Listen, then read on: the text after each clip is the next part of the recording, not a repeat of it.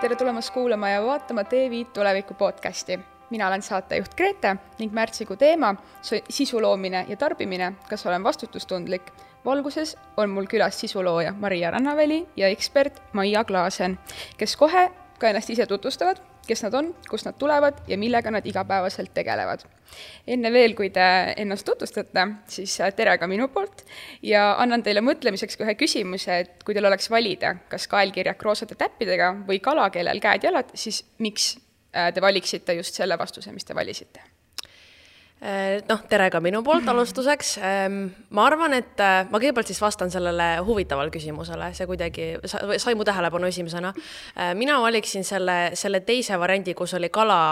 käte ja jalgadega, sest minu enda lemmikloom on kass ja mul kuidagi hakkas selline, selline pilt silme ees jooksma, et see võiks meenutada natuke sellist armsat pontšakat kassi. nii et see oleks minu vastus sellel põhjusel ja, ja enesetutvustuse koha pealt nii palju, et mina olen Maria Rannaväli, igapäevaselt tegelen tegelen sotsiaalmeedias sisuloomega ja õpin Tallinna Ülikoolis ajakirjanduse erialal.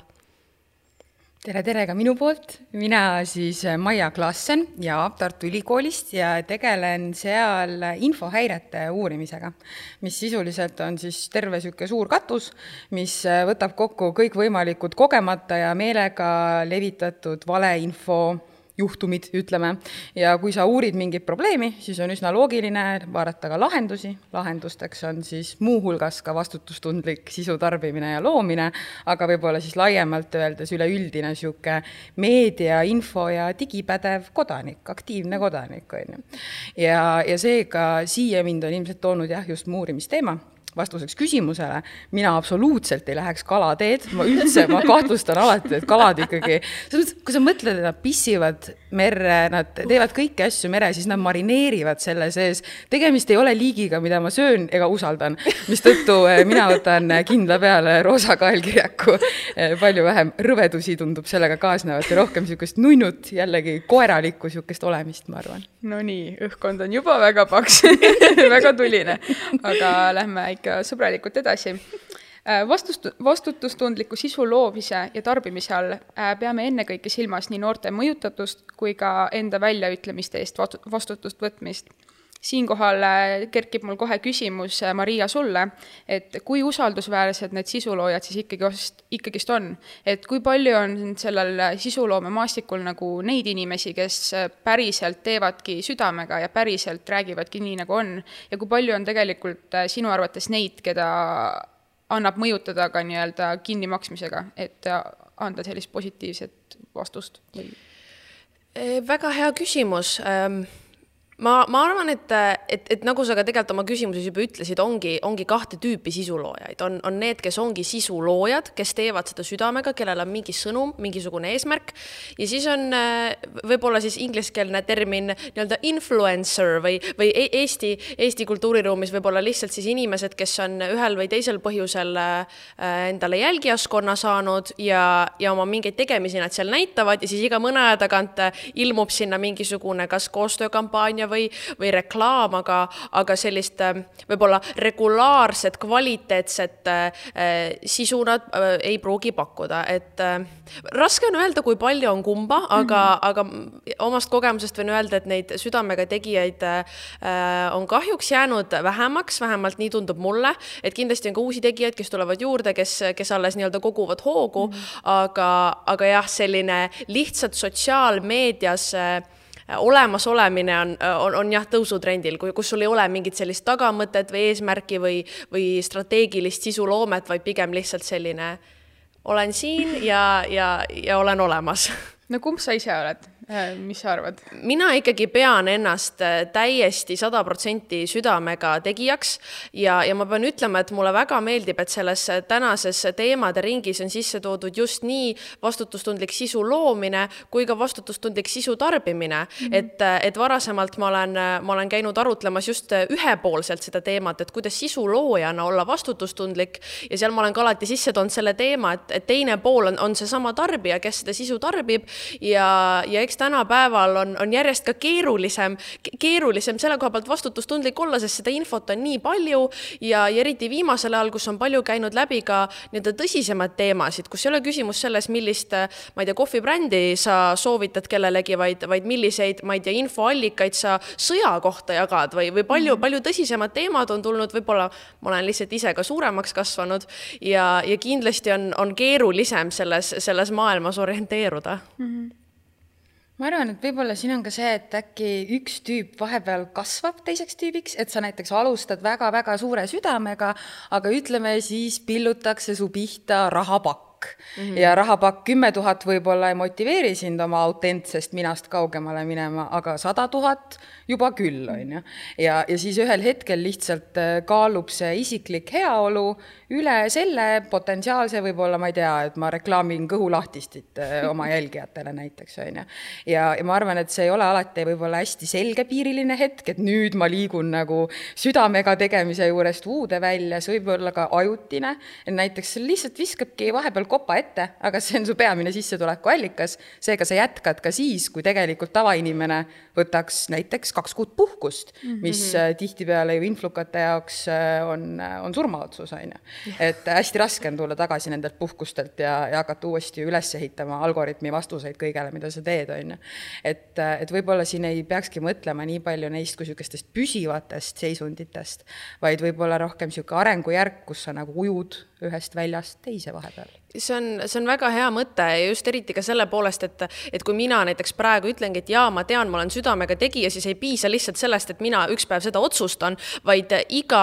infokilluga, mis sa tegelikult äh, maailma paiskad ja iga videoga, mis ma pühapäeviti üles äh, laen, ma pean seda küsimust nii-öelda uuesti endalt küsima ja iga hetk see mhm. võib ka muutuda. et selles mõttes see on väga-väga hea lähenemine, et see ei ole selline püsiv kast, kus sa oled ja sa sinna jääd, vaid see on pigem jah, selline igapäevane väikeste otsuste tegemine, mis lõpuks loovad mingisuguse suurema pildi? Ja no ma mõtlen, et äh, kui mina väike olin, siis äh, noh, mõned aastad tagasi, siis äh, ka ma mäletan, väiksest peale olen juba tegelikult jälginud siin neid sisuloojaid, nii sind kui ka Victoria Villig ja kõik, kes meil siin on, siis ma mõtlen ka nagu selle peale, et mingi hetk oli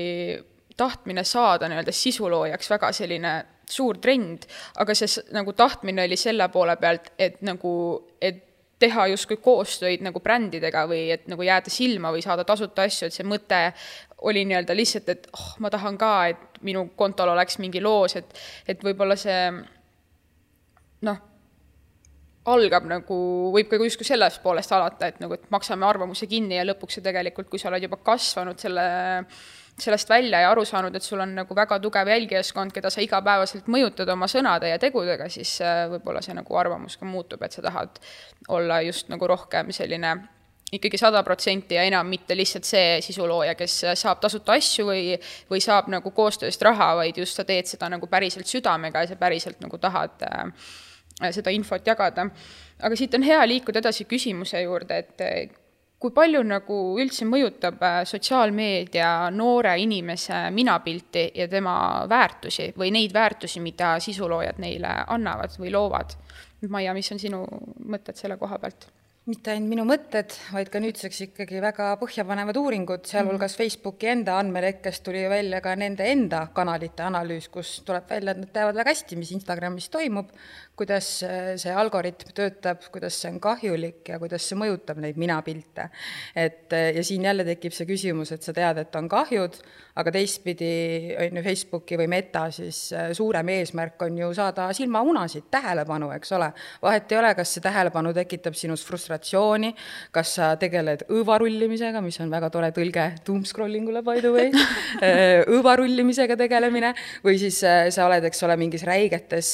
toksilistes mingites, mingites infomullides, sind kiusatakse massichattides, kust sa ei lähe ära, vaid jääd edasi, nii palju erinevaid kihte on seal, mismoodi see võib kahjulik olla, et tegelikult see sisuloojate niisuguse võimatult ägedana tunduva elu jäljendamine on ju ainult üks väike osa sellest kõigest negatiivsest potentsiaalsest mõjust, on ju. aga, aga kui me räägime sellest, kuidas see mõjutab noorte minapilti, siis uuringud ütlevad, et täielikult, et kui sa ei lülita ennast täielikult välja, mis on üliraske teha juba sellepärast, et esiteks sa ei saa maailmas toimuva kohta infot, teiseks enamik sotsiaalseid suhteid on täna digitaalsele vahendusele ju üles ehitatud ikkagi, on ju. ja, ja nagu noh, et seal on neid põhjendusi, miks eemal olla on raske, on ju tegelikult nagu hiiglalt palju ja kui me mõtleme sellele, et sa siis ütleme, teed valiku, et sa oled sotsiaalmeedia kasutaja, siis absoluutselt tuleb arvesse võtta, et pidev manipulatsioon sinu minapildiga, sinu väärtustega,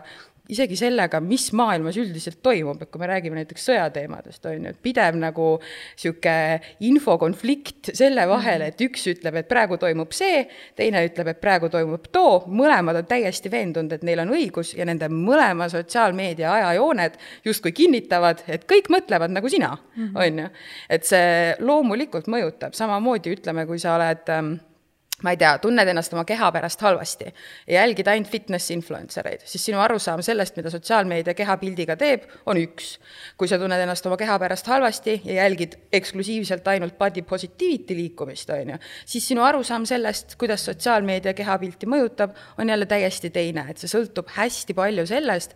kui mitmekesist infot sa iseenda sotsiaalmeediasse sisse tood, kui palju on erinevaid vaatenurki, eks ole, ja kas sa lased endal nii-öelda jääda sinna lõksu, et sa näiteks tunned, et kaks nädalat on mulle tulnud ainult superilusaid peenikesi beebesid, ma vihkan oma keha ja elu, see võiks olla esimene märk, et on aeg kas muuta tarbimisstrateegiat ajalises mõttes, et ma veedan vähem aega seal, või näiteks ma jälgin teistsuguseid inimesi ja teemasid, mis minus negatiivset emotsiooni ei tekita. et sel, individuaalsel probleemil minu arust saabki olla ainult niisugune hästi individuaalne lähenemine, et, et ma tunnen, et mul on praegu kehv olla mm, -hmm. nii et ma teen korraks pausi ja mõtlen, mis minu tarbimises paneb mind kehvasti tundma. ja enamasti ei ole vastuseks, et sul on üks influencer kuskil, vaid see on ikkagi süsteem, eks ole mm. -hmm ise olles sellel sisulooja poolel, ma, ma, ma tunnen, et see ongi minu jaoks isiklikult olnud üks suurimaid vastuolusid ja väljakutseid, et kui ma ise tarbijana tunnen, et minu jaoks see on liiga palju või, või, või võib-olla ka sisuloojana sa jälgid ju tegelikult ka teisi sisuloojaid nii-öelda töö aspektist, et millist sisu nemad loovad ja, lisaks sellele sa vaatad ka igapäevast sisu, enda sõpru, tuttavaid ja teisi sisuloojaid nii-öelda tavainimese perspektiivist. ja, ja kui tekibki see hetk, et mina näiteks ise tunnen, et okei okay,, ma tahaksin kaks nädalat täiesti kadunud olla sellest maailmast, siis samal ajal, kui ma tahan säilitada endale sissetulekut ja, ja jälgijaskonda, siis ma seda niisama lihtsalt teha ei saa. ja, ja see on olnud üks küsimus, kus, kus ma olengi tõeliselt mõelnud ja pidanud, pidanud sellist sisemist dialoogi, et, et kas mina sellega, et mina ka kakskümmend neli seitse olen kuskil Instagramis olemas, annan ka osa sellesse samasse kultuuri, et me peame alati olemas olema ja, ja ma kindlasti olen ka üritanud nendel hetkedel, kus ma ise tunnen, et ma seda puhkust vajan, seda ka vastavalt kommunikeerida ja öeldagi, et hei, ma praegu tunnen, et minuga on asjaolud nii, kui sul on sama tunne, ma väga soovitan eemale astuda. Ja, ja eks see on, see ongi täpselt selline keeruline olukord, et ühelt poolt sa tahad pakkuda seda sisu, sa tahad inimestele pakkuda võib-olla ka ähm, kohta, kuhu tulla ja sisu, mida tarbida, kui, kui nad vajavad sellist väikest põgenemist oma elust, aga teistpidi, kui sa ei paku neile ka võib-olla ühtegi varianti või, või, või seda sisu, mis aitaks neil oma enda eluga toime tulla, siis sa lihtsalt oledki osa sellest probleemist sellise nagu noore vaatevinklist võin mina näiteks öelda, et äh, mõned kuud tagasi minu jaoks oli nagu sotsiaalmeedia kasutamine täiesti katastroof, sest see laastas mind äh, vaimselt väga-väga palju ja just eriti siis nagu mina pildi ja kehapildi poolest. mingil hetkel ma sain aru, et äh, ma tegelikult jälgin inimesi kes äh, ei mõju mulle positiivselt, vaid just nagu mõjuvad mulle negatiivselt ja mitte, et see inimene ise oleks nagu negatiivne või halb, aga lihtsalt see tema arvamus või tema sisu ei ole nagu minu jaoks antud hetkel, sest ma ei ole nii-öelda nagu vaimselt selles kohas omadega. ja tegelikult just hiljaaegu tagasi ma tulingi viiekuuselt äh, pausilt äh, sotsiaalmeediast, kus ma ei olnudki ei Instagramis, ei Facebookis, ei äh, Snapchatis mul oli ainult Twitter ja mul oli ainult äh, Messenger, et rääkida äh, mm. tööasjadest ja, ja see tegelikult see nagu, see hetk, kui sa saad aru, et nagu nüüd on asjad valesti, siis see tunnistus endale, et teeme pausi või see tunnistus oma jälgijatele siis, et äh, ma olen ka inimene, sest tegelikult sisulooja töö justkui ju jätabki meile mulje, et see peakski olema nagu kakskümmend neli seitse sisulooja, et kõik, mida sa postitad, see kõik on sinu jälgijatele justkui nagu eeskujuks, inspiratsiooniks, motivatsiooniks. sa pead nagu alati mõtlema, mida sa postitad, sa ei saa lihtsalt nagu randomly võtta kuskilt mingit äh, ma ei tea, suvalist pilti postitada endast ja siis öelda ullallaa ja siis kõik mõtlevad, et oo, ma tahan nüüd ka sellist elu, aga tegelikult mm see võib-olla ei olnud sinu nagu see mõte, on ju. ja võib-olla siin selles eemale astumises ei olegi kõige suurem äh, võib-olla hirm selles osas, et oo, ma ei näe oma lemmik Youtuberi videot, sest mm -hmm. seda saad järgi vaadata yeah.. aga, aga selles eemale astumises on ka see küsimus, et ma ei näe, mida mu sõbrad teevad ja ma ei saa neid hoida kursis oma asjadega mm. -hmm. mõned kuud tagasi ma ise kustutasin ära Snapchati, mis oli meie nii-öelda sõpruskonnas see platvorm, kus me suhtlesime nii oma väikse sõprade ringiga kui ka tuttavate ringiga. ja ma tundsin, et mul endal tekkis see pidev vajadus mitte, mitte ainult sisuloome vaatevinklist oma elu jagada, vaid igat väikest aspekti oma elust mm -hmm. jagada ja igat väikest aspekti teiste elust teada ja ma nii mäletan seda hetke, kui ma olin selle ära kustutanud, milline surve hakkas mu enda sõpradelt, et aa, Maria, läheb kuu aega, sa tõmbad selle tagasi. aa, me juba ootame, et sa tagasi tuleksid, aa, sa niikuinii tuled siia tagasi. ja siis mingi hetk ma sain aru, et, et kui juba neilt tuleb selline surve ja mul endal on selline surve, et see kuidagi tundus veel rohkem see märk, et ma peaksin nagu natuke endale ruumi andma ja nüüd on juba, ma ei tea, viis kuud äkki möödas ja ma olen õnnelikum kui kunagi varem. jah, no sellega ongi see, et ähm et see surve, mis tuleb nagu ka sotsiaalmeedias ehk siis Facebookis või Instagramis, et tegelikult äh, see on nagu selline väga selline äh, aju nagu trikitamine või mm -hmm. et mhm. me üritame ju, kui me ju kirjutame artikleid või asju, siis me üritame ju ka seda sisu nagu luua niimoodi, et, et see nagu oleks tabav ja nagu mõtlema panev ja see nagu mis on see väärtus, miks sa nagu, miks noh, miks sa ei taha seda äppi ära kustutada või mis on see väärtus, miks ma peaksin sind nagu jälgima, on ju. et äh, neid väärtusi on hästi lihtne tegelikult nagu äh, ka lollitada või nagu panna neid nagu kuidagi teises, võib-olla mitte siis nii heas vaatevinklis vaatama. aga mm, küsiks võib-olla, et mis nagu, mis vastutus sulle lasub äh, selles osas, et sa lood siis neid väärtusi oma jälgijatele ja samas ka sotsiaalmeedia kasutajana, mis vastutus sulle lasub äh, neid väärtusi nii-öelda endale luua teiste siis kuidagi arvelt? ütleme nii, et et äh, minu jaoks on äh, võib-olla vaatenurk selle küsimuse osas väga palju ajas muutunud, et ma alustasin, kui ma olin kaksteist ja pool, mis oli enne, kui ma üldse olin isegi teismeline veel ja nüüdseks ma olen üheksateist, et noh, palju, palju jõuab selle ajaga muutuda. ja, ja ma mäletan, et nendel aegadel, kus ma tõesti täiesti ilma piirideta teismelisena oma elu lihtsalt tuimalt jagasin, ma tundsingi, et see on teiste inimeste asi, kuidas nemad seda nii-öelda oma ellu sobitavad või kui palju nad mind jälgivad Äh,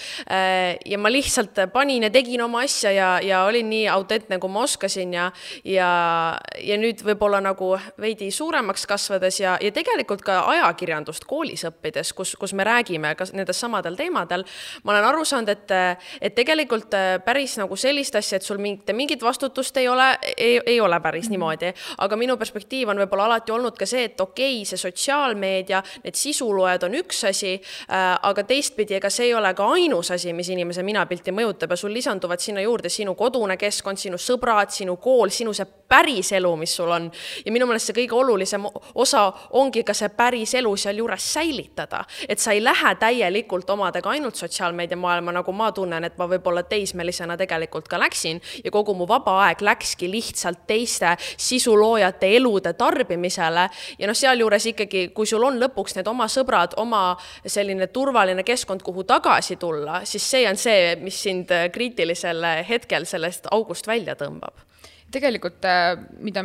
äh, mina ka tundsin tol hetkel, kui ma, enne kui ma otsustasin pausi teha, oli see, et ming-, mingil hetkel sai sotsiaalmeedia nagu osa ka minu päris nagu sellest mm -hmm. elust, et äh, kõik teemad, millest ma ka rääkisin, olid seotud, oo, kuule, kas sa nägid, tema nagu jagas sellist sisu, on ju, ja tegelikult äh, mm, see nagu vastutuse võtmine ka tegelikult nii-öelda tavalise kasutajana, kui sa postitad lihtsalt, ma ei tea, mingi reisipildi, siis tegelikult võtad ka siis vastutuse selle eest, et mida sa postitad, kuidas sa postitad ja need inimesed, kes sind jälgivad, kuidas nad seda nagu äh, võtavad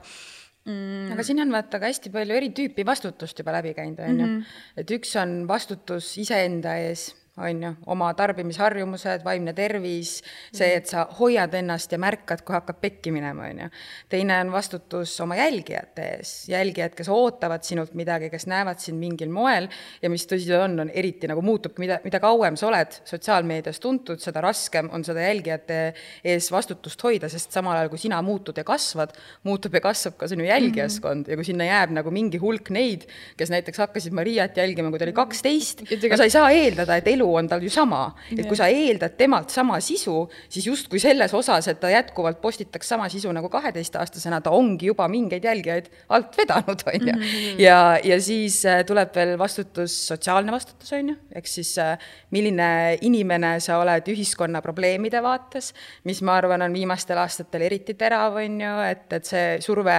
et äh, mõtle õigesti või ei saa cancel datud, ei ole ju mitte ainult ettevõtetel, vaid see absoluutselt on ka kõikidel nendel, kes sotsiaalmeedias eksisteerivad ühel või teisel moel, eks ole, seal on see väärtussignaalid või virtue signaling, on ju, ehk siis, et sa postitad näiteks musta ruudu ja ütled, et Black Lives Matter ja siis ei räägi sellest enam mitte kunagi, aga see oli oluline asi, mis ära teha, sest muidu sa jälle näitaks, eks ole, vastutustundetust mingis mõttes. ja siis on veel vastutus näiteks, no praeguses olukorras riigi ees, on ju, kui meie riigikaitse või julgeolek on ähvardatud, siis absoluutselt on ka vastutus selles osas. ja kõiki neid erinevaid nagu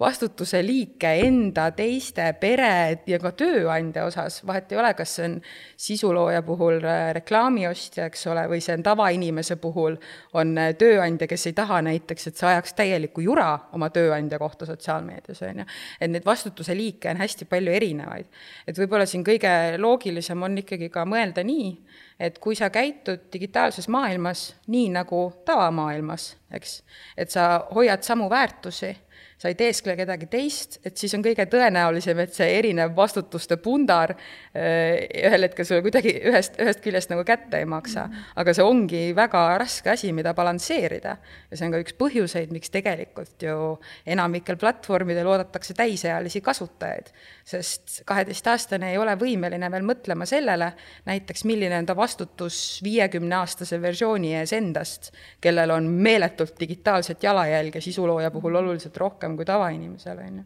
Mhm. et siin on nagu hästi palju niisuguseid erinevaid kihte, mis kõik peaksid kuidagi ideaalselt sobituma omavahel kokku, aga vahepeal vajavad niisugust natukene jälle endaga dialoogi pidamist ja mõtlemist, on ju, et sa nagu mõtleks välja, kuidas, kuidas need erinevad vastutused mängivad kõik kokku sinu ühe inimese elus ja sotsiaalmeedias. no kui me mõtleme nende sellist nii-öelda ideaalset nagu ühiskonda justkui, et kõik need peavad omavahel kokku sobima, siis äh, mis mina nagu panen tähele sotsiaalmeedia kasutajana, et äh, ma tunnen, et äh, me loome täna väga sellist tugevat justkui nagu ühiskondlikku ideaali, et üks inimene peab olema täpselt selline nagu Maria Rannaväli, kes alustas kaheteistaastaselt Youtube'i videosid ja nüüd on äh, siis seitse aastat hiljem kasvanud, on ju, ta on äh, edukas õpilane, käib ülikoolis, on ju. oled edukas õpilane ikka, avalik reklaam. Ja, ja käib ülikoolis, tegeleb äh, hobidega, asjadega, on ju. Siis mina tunnen näiteks, et ma ei tahaks selline olla, mitte nagu,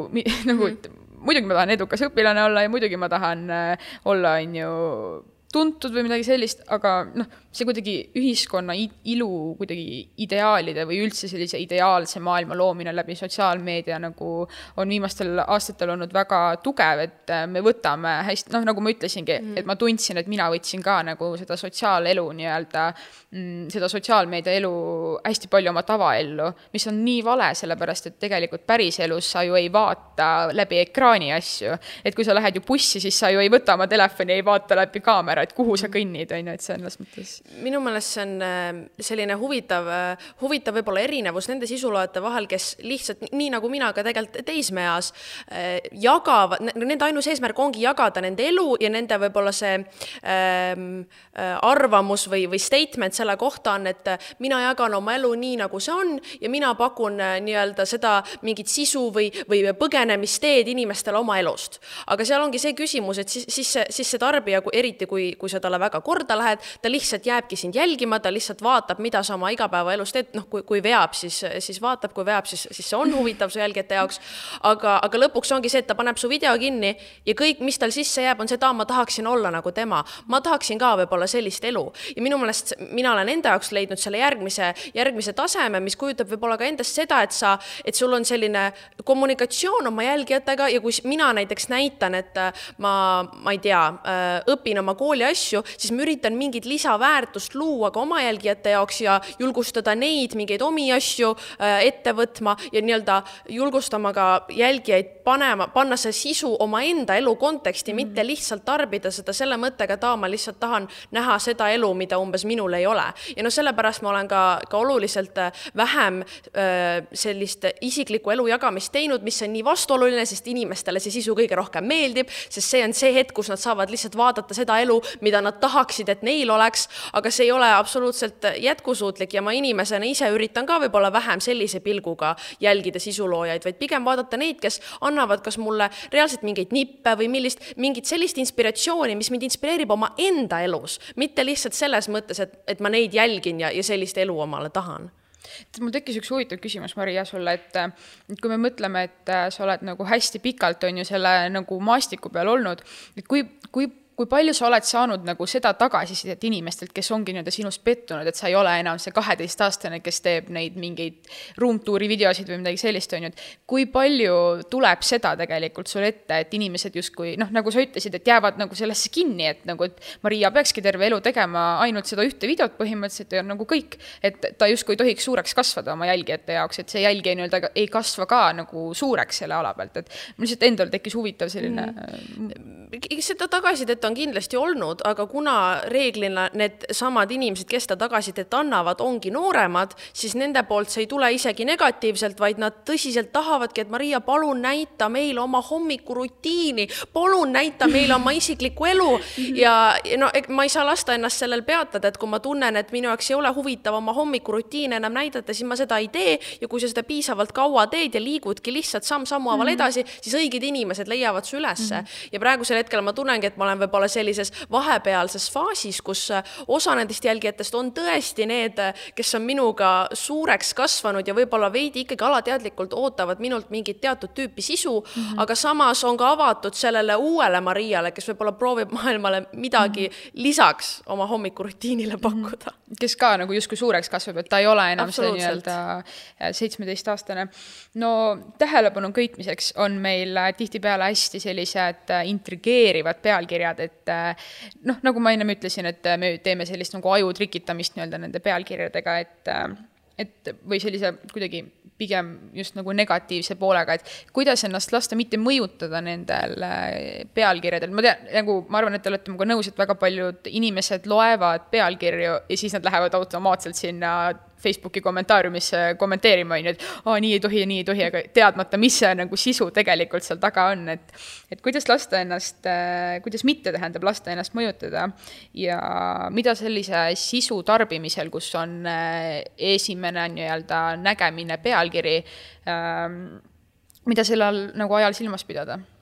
hmm.? Seda nähtust, millest sa räägid, täitsa uuritakse, selle nimi on social clicks. täpsemalt siis uuritakse seda, kuidas mingeid asju jagatakse rohkem, kui avatakse sisuliselt, on ju. Mm. et sa nagu näed, et näiteks uudist on avatud nelisada korda, jagatud seitsekümmend tuhat korda, siis tõenäosus, et inimesed on süvenenud, on väga väike ja kahjuks kurb vastus, et kuidas mitte lasta ennast mõjutada, on see, et tarbi sisu ära ja ole teadlik, mitte nagu, mitte ära tarbi samal ajal eh, kahe seriaali, koera silitamise ja kodutöödega, vaid mm -hmm. nagu mõttega mm -hmm. asja juures tarbimisele. et siis sind ei ole võimalik mõjutada, sest sa võtad kogu konteksti arvesse, ideaalis kuulad päriselt algusest lõpuni ära, mis sõnumit see sõnumi edastaja on üritanud nagu edasi anda, on ju, ja noh, võib-olla isegi uurid lisa, kui sa midagi ei tea, kuuled sõna, mille tähendust ei tea, guugeldad, mis see tähendab tähendab, kuuled viidet mingisugusele sündmusele, millest sa midagi ei tea, lähed konteksti jaoks lisa uurima. aga vot see on ideaal ja ideaal kahjuks selles maailmas, kus me, ma arvan, keegi meist ei oska öelda, palju me näiteks hommikuse scrollimise ajal mitme erineva inimese postitusi me nägime nagu, et see on ammu läinud kaugemale sellest, et me jõuaks näppudel üles lugeda, et näed, täna lugesin viite blogipostitust, mis iganes, on ju. ja see tähendab seda, et tuleb enda jaoks välja mõelda mingi jätkusuutlik strateegia. et kui jätkusuutlik näiteks ei ole, et sa loed kõik need veidrate pealkirjadega asjad läbi või vaatad need videod lõpuni, siis võta vähemalt endale missiooniks, et sa ei jaga edasi, kui sa tegelikult ei tea, mis see sisu on. väike, lihtne, niisugune konkreetne, on ju, asi, mida sa saad teha aga ma ei tea, peale süvenemise nagu, et nagu tarbi vähem öelda, on ka veel nagu variant, aga mm, -hmm. aga jällegi, et ma saan aru, et me olemegi nagu kahvlis, me tarbime nii palju, et seal ei ole enam võimalik kõike süvitsi läbi analüüsida. et meie tarbimismaht infoga on läinud selliseks, et me peamegi rööprähklema, sest kuidas sa muidu vaatad kaheksa episoodi, scroll'id kaheksa tundi samal ajal, on ju, ja siis nagu väidetavalt teed tööd või kodutööd ka veel, et, et selles mõttes siin tuleb natuke natuke jälle kahjuks mõelda enda jaoks välja strateegia ja mis kõige hullem, seda strateegiat tuleb ümber hinnata siis, kui sa näed, et see enam ei tööta. ehk siis mm. teadlik meediatarbija teeb pidevat tööd kahjuks iseendaga ja see ei ole selles mõttes rõõmustav vastus, et palju parem oleks, kui oleks mingi maagiline tööriist mm. Too long didn't read tööri-, tööriist nagu, aga seda vist ei, ei ole jah, mul, mulle väga meeldis just see mõte, et et, et, et tegelikult tea, millistes asjades sa lähedki süvitsi, mille kohta sa loed, aga, aga nagu sa ka ütlesid, siis sul ei ole võimalik iga asja kohta kõike teada ja mhm. sellisel juhul ära mine ka seda ühte infonuppu jagama. et mina olen sisuloojana olnud mitmeid kordi selles olukorras, kus midagi suurt maailmas juhtub, midagi toimub ja järsku hakkab laviin mingeid uudiste jagamisi, info jagamisi, aga see, see asi on alles nii hiljuti juhtunud, et, et see, see, sa ei ole isegi jõudnud süveneda sinna asja ja see on tavaliselt tavaliselt on see koht, kus mina ise pigem võtan rahulikumalt, vaatan, kuidas asi eskaleerub, loen selle kohta, harin ennast ja ei võta enne sõna, aga jällegi sisuloojana sa saad selle eest kohe jälle teistpidi tagasi, et mis mõttes sa oled vait, mis mõttes sa ei võta sõna, on ju. noh, mina ikkagi tunnen, et, et ma pigem olen sellel poolel, kes võtab, võtab asju rahulikumalt ja enne süveneb ja see ei ole tegelikult ainult sihuke sisuloojana, vaid, vaid tavainimesena, et, et see on üllatav, kui palju äh, mingite selliste suurte teemade ilmumisel ka sõprusringkondades hakkab, hakkab mingi jutt käima ja siis mingi inimene võtab täiega suure suuga, hakkab rääkima ja siis, kui sa küsid ta käest mõne aruka küsimuse või, või mis, või võib tunduda ka loll küsimus, midagi võib-olla selle asja olemuse kohta, et aga, aga näiteks mida see üldse tähendab, siis enamik inimesi ei oska vastata, sest nad lugesid ühte Postimehe pealkirja selle mhm. kohta. ja, ja sellises olukorras meie, noh, olles siis ajakirjandustudeng, meie oma kursakaaslaste seas üritamegi äh, võib-olla asjade arutlemisel ka üksteist selles mõttes harida, et et, et öeldagi, et võingi ausalt tunnistada näiteks, et aa, selle kohta ma olen ainult pealkirju lugenud, kas on mingi hea kokkuvõttev artikkel, mida ma saaksin lugeda. et eks see ongi selline iseendaga äh, töö tegemine, et sa, sa tead, milliste teemade kohta sa nagu päriselt oled lugenud ja milliste teemade kohta sa tõesti nagu oled valmis mingit infot jagama ja milliste teemade kohta sa paraku oled lihtsalt pealkirjade kaudu kuulnud ja tead, et nad on olemas, aga, aga mitte midagi rohkemat. no hästi tähtis on kindlasti see, et äh et sa teed enda jaoks nagu kõik selgeks, et kui sa ikkagi otsustad süveneda ja kui sa seda ühte sõna seal ei tea, siis see ei ole see, et sa lihtsalt eeldad, et mis see sõna on, vaid sa ikkagi teed nagu enda jaoks äh, nagu kõik selle selgeks, sest see nagu see, mida sina eeldad, see võib-olla tegelikult on hoopis nagu risti vastupidi, on ju. ja teiseks äh, ma just äh, hiljaaegu pidin andma intervjuud äh, ja seal küsiti ka ja äh, minu nagu mõte selles osas, et äh, mis sa ka ütlesid, vaata, et kui sa, kui alles hiljuti juhtub mingi sündmus ja, ja sa nagu võtad aega, siis näiteks mina olen täna endale seadnud piirid äh, selles osas, et äh, ma jälgin ainult neid teemasid, milles ma tunnen ennast kindlana. ja mm. nagu ma võin ausalt öelda, tänases äh, ühiskonnas, kus meil on toimumas äh, sõda või erinevad poliitilised vaatenurgad, minu enda jaoks ma olen tunnistanud ja ma olen seda ka öelnud teistele, et need on need teemad, kus ma ei tunne ennast kindlana isegi siis, kui ma nagu uuriksin mm, -hmm. isegi siis, kui ma viiksin ennast kurssi, sest see tekitab minus nagu sellist ebamugavus, see tekitab mus valu, ma ei taha sellel teemal rääkida ja ma näen, et see on tegelikult täiesti okei okay.. kui meil on kõigil nagu, sul kindlasti sisuloojana, sa ju, sa ju ei räägi nagu automootoritest põhimõtteliselt, on ju, sul on mm. nagu ka mingi selline kindel, noh, kindlad ikkagi nagu nii-öelda teemad siis või mm -hmm. nagu eluvaldkonnad, et ma ei, ma väga vabandan, aga ma vist ei ole sind kunagi näinud tunkedes kuskil mingit automootorit parandamas, on ju. et, et noh, et selles suhtes, et meil on nagu, igalühel on võimalus nagu valida ka nagu neid teemasid ja see on okei okay,, kui sa ei ole nagu kõigi teemadega kursis, kui sa ei tunne ennast kõigil teemadel nagu kindlana, aga see, et sa oled nagu, teine asi on muidugi see, et kas sa oled sellel teemal nagu haritud või kas sa oled mm -hmm. nagu kursis nagu õigesti asjadega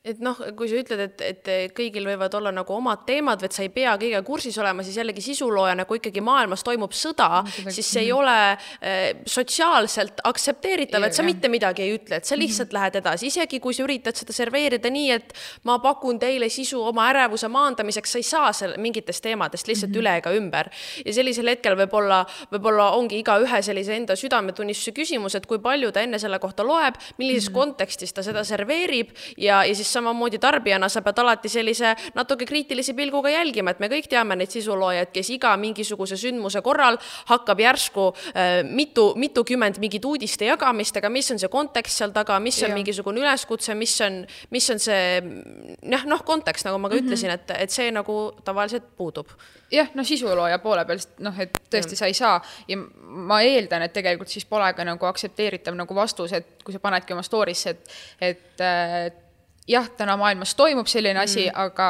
ma tunnen, et ma ei ole nagu vist valmis sõna võtma, siis pigem on nagu see, et nagu puu, miks sa nii tegid ja nagu. no eks see selline tagasiside tuleb, aga siis see on ka sinu enda asi, et mina, mina sellist tagasisidet sain, teistpidi sain ka tagasisidet, et hei, et mulle väga meeldib, et sa postitad ka mingeid tavaasju, et jumal tänatud, ma ei jaksa ainult selle sõja kohta teada, mm -hmm. aga, aga eks see ongi minu enda selline tasakaalu küsimus, et millist infot ma jagan ja, ja kui palju ma ise sellega, sellega ka kursis mm -hmm. olen, on ju. aga ma arvan, et muidugi siin tuleb nagu eristada veits teemasid, et mm -hmm. näiteks koroona ajal see ekspertsuse jutt jumala asjakohane minu arust aga sõja ajal tuleb arvestada, et ka vaikimine tähendab midagi. ehk siis see, et sa otsustad mitte Ukraina sõja teemal sõna võtta, on juba positsiooni võtmine. ja sõjakommunikatsioonis lihtsalt kahjuks ei kehti samad reeglid. et kõik see suur töö, mis me oleme aastate jooksul ära teinud vaimse tervise ja meediatarbimise tasakaalustamisega, lendab selles mõttes sõja ajal ikkagi aknast välja, et kui sa elad Eestis ja sa otsustad oma vaimse tervise nimel näiteks üldse sõjauudiseid mitte tarbida,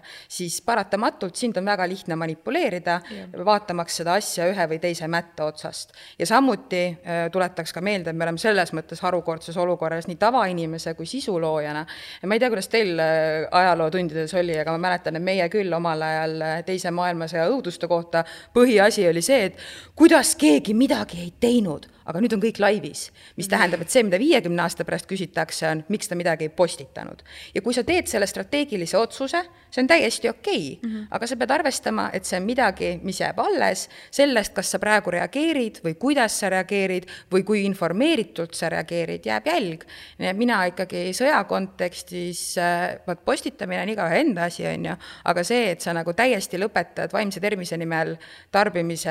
sõjauudiste teemal, olles Venemaa naaber, naaber, see ei ole -hmm. lihtsalt mõistlik. see ei ole samamoodi, eks ole, et sa võid otsustada, et koroonauudised on sulle vaimsele tervisele kehvad, sa tead, mis piirangud toimuvad nii või naa, on ju. et, et selles mõttes mingite asjade kommunikatsioon jõuab sinuni nii või naa ja, ja siis võib-olla on nagu mõistlikum mõelda nii, et näiteks kui mulle sõjauudised mõjuvad jube rusuvalt, siis ma vaatan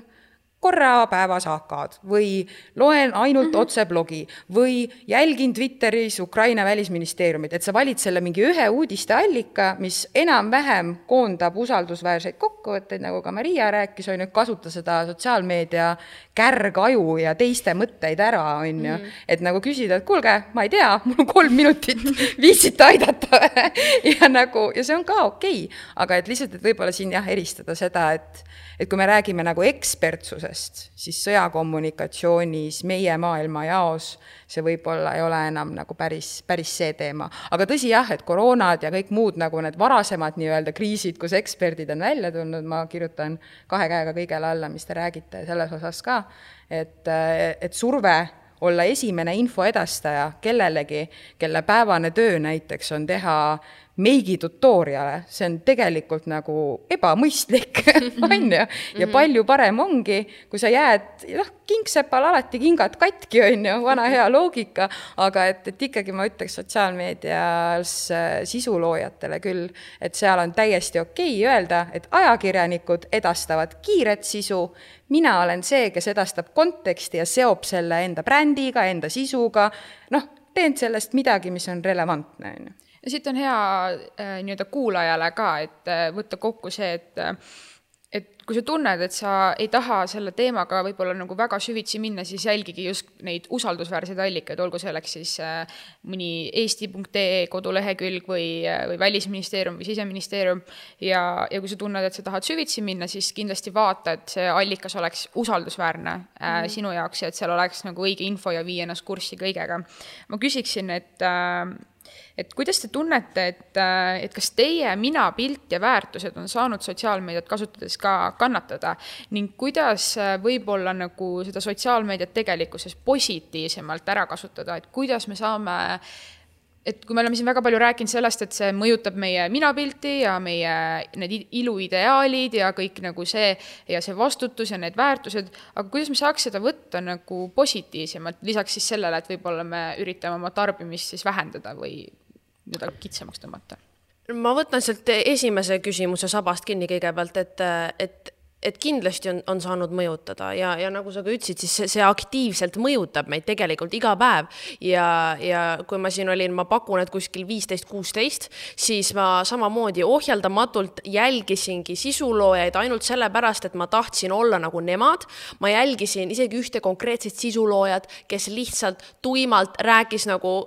alkoholist, narkootikumidest, asjadest, mis, millest sa oled teadlik küll selles vanuses, aga sul ei ole vaja, et keegi sinust mõned aastad vanem kogu aeg näitab, kuidas tema nende asjadega tegeleb ja ta teeb selle ägedaks sinu jaoks. Mhm. ja ma jälgisin ja ma vaatasin ja sealt kindlasti kasvas ka väike selline rebelfaas minust välja, aga samal ajal oligi see, et mul olid normaalsed sõbrad, mul oli normaalne perekond, ma, ma elasin selle sealt vaikselt oma selle faasi välja, aga lõpuks ma ei läinud midagi lolli tegema. et, äh, et on olnud kindlasti neid olukordi, kuidas ma tunnen, et ma lähen liiga sisse mingisse inimese ellu ja, ja mida ma olen ise võib-olla tarbijana hakanud äh, tegema, on selle enda kasuks pööramine. näiteks üliteadlikult, kui ma tean, et esmaspäeva hommikul mul on vaja motivatsiooni ja mul seda ei ole, ma tean täpselt, kelle kanalit ma lähen vaatama ja ma tean, et siis ma nagu teadlikult tarbingi seda seda selleks, et minna samasse mõtteviisi temaga. ja, ja ma arvan, et selliste teatud sisuloojate tabamine, keda sul täpselt mingitel hetkedel võib-olla vaja on, on ka selline päris, päris hea nipp, et vahel reede õhtuti ma kuulan võib-olla mingeid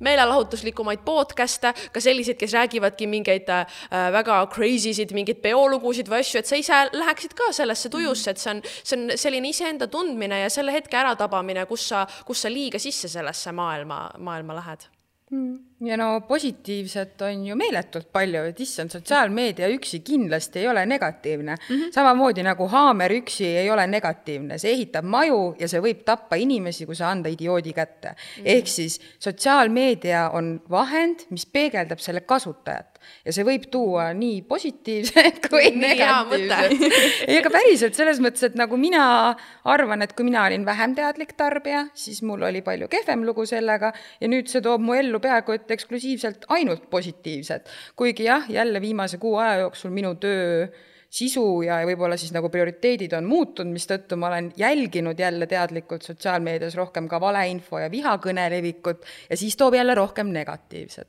et see on hästi niisugune nagu it is what you make of it põhimõtteliselt, on ju, et nagu mõtleme väga selgelt positiivsetele asjadele, ma ei tea, viisteist aastat tagasi, kui sa olid Põlvas furry, sa olid üksi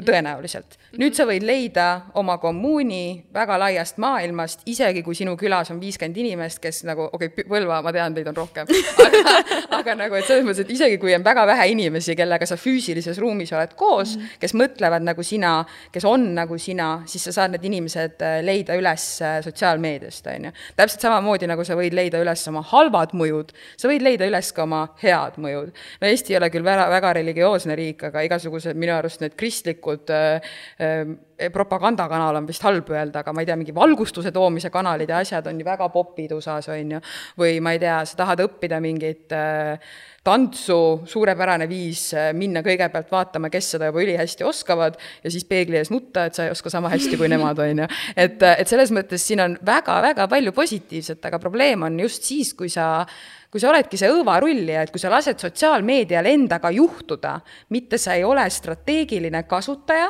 kes võtab sealt ainult parimat. mina näiteks ähm, sarnaselt siis sulle tegin rämeda suurpuhastuse oma sotsiaalmeedias. minu jaoks oli suurim tõehetk, ma arvan, kaks aastat tagasi see, kui ma sain aru, et ma olen hate follow nud mingeid inimesi. ja see on täiesti mõttetu asi tegelikult, nagu ma sain aru. et kõik see, mida ma kunagi äh, tegin, et ma käisin, et ma ei jälginud näiteks kedagi, aga käisin ise nende kontot vaatamas, äh, hoolimata või story sid vaatamas, või siis, et sa jälgid kedagi, aga iga kord, kui sa ükskõik millist sisu näed, reaktsioon on ainult nagu oh my god, vaata seda idiooti, on ju. ja, ja sa mõtled, et see ei ole ole sulle nagu negatiivse mõjuga, aga lõpuks on, on.. ja, ja näiteks, või siis see, et minul oli räme teema, ma arvan, mul olid saved post'id olid täis mingeid ulmelisi trennivideoid, ma olin nagu mingi, jaa, jaa, ma varsti olen piisavalt tugev, et tõmmata lõuga mingi katuselt umbes, on ju, ja siis ma vaatasin nagu mingeid videoid, kus inimesed tegid mingi ulmelisi asju, on ju, mida noh, kümme aastat kuradi Crossfiti võib-olla jõuad sinna. siis ma mõtlesin, et huvitav, mul ei ole motivatsiooni ühtegi neist proovida, on ju, et see on jälle see koht, et korraks mõtle, mõtle, et võib-olla näiteks mina sain aru, et mulle meeldib vaadata hullumeelseid trennivideoid, aga mulle ei meeldi neid ise kodus järgi teha. -hmm. ja, ja see on ka nagu okei okay.. et kui sa nagu väga strateegiliselt vaatad, mis toob sulle hea tuju, mis -hmm. toob sulle halva tuju siis see on juba väga hästi. ja üks asi, mis võiks tuua hea tuju ja see on nüüd jällegi mõttemaailma muutus, mitte ainult tarbimise muutus, on see, kui sa jälgid inimesi, kellega sa ei ole nõus. ehk siis kui sa ümbritsed ennast ainult inimestest, kus kõik on nagu yes, you are amazing, gorgeous, sa mõtled täpselt nagu mina, nii et järelikult sa mõtled õigesti. -hmm. et see kõik äh, kokkuvõttes äh, pikas plaanis on kahjulikum ka juba sellepärast, et siis, kui sul mingi väike amps negatiivsust sellesse turvalisse mulli sisse tuleb, on ju, et see mõjub kohe palju hullemini. palju parem on teada, et on olemas inimesi, kes mõtlevad täiesti teistsuguselt sinule juba praegu, vali välja need, kes väljendavad seda viisil, et see ei tekita sinus noh, et a la, mm -hmm. ma ei tea, mina ei suuda jälgida Varro Vooglaidu, aga mul on mitmeid inimesi, kes näiteks LGBTQ õiguste osas arvavad, et on mingi hall ala ja ma jälgin neid ikkagi, sest nad oskavad seda väljendada viisil mis on okei okay., see ei tekita mm -hmm. minus otseselt nagu halba tuju, vaid rohkem noh, niisugust empaatiat, et oh, sa vaesekene kuidas sa siis nõnna arvad, on ju. ja see on täiega okei okay.. et äh, võib-olla see mitmekesistamine selles mõttes, et mis toob positiivset ja negatiivset, aga ka see, et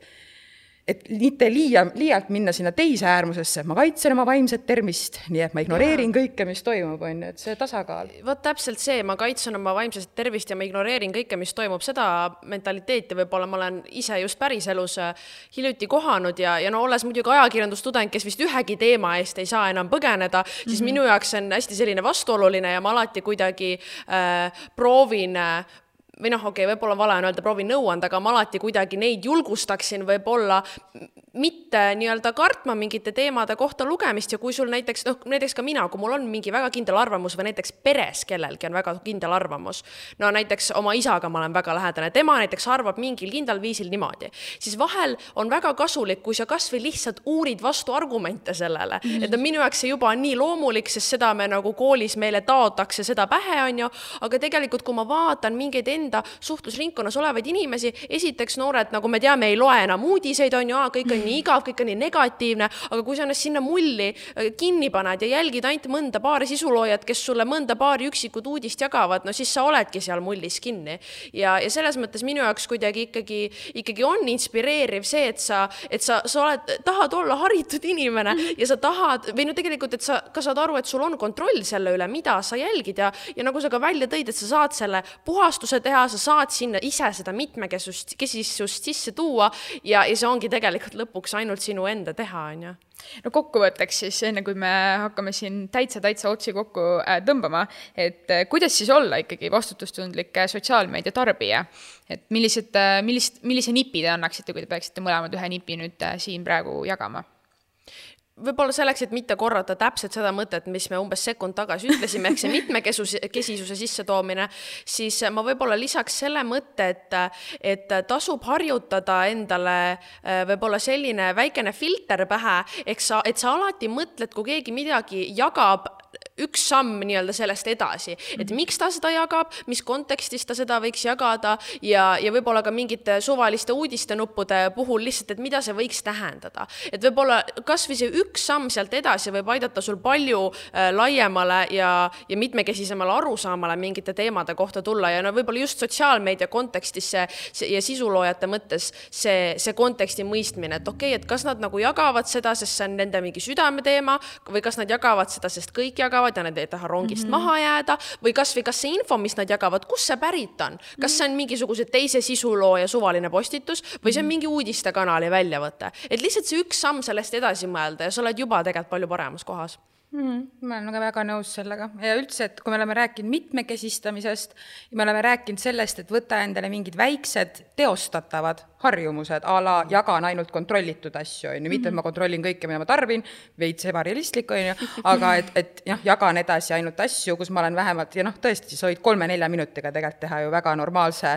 tausta guugelduse ja saada juba aru, et kas sinuga manipuleeritakse või ei. aga et võib-olla siis äh, üks niisugune soovitus äh, mis nagu võtab kokku selle kõik, on veits ka see, et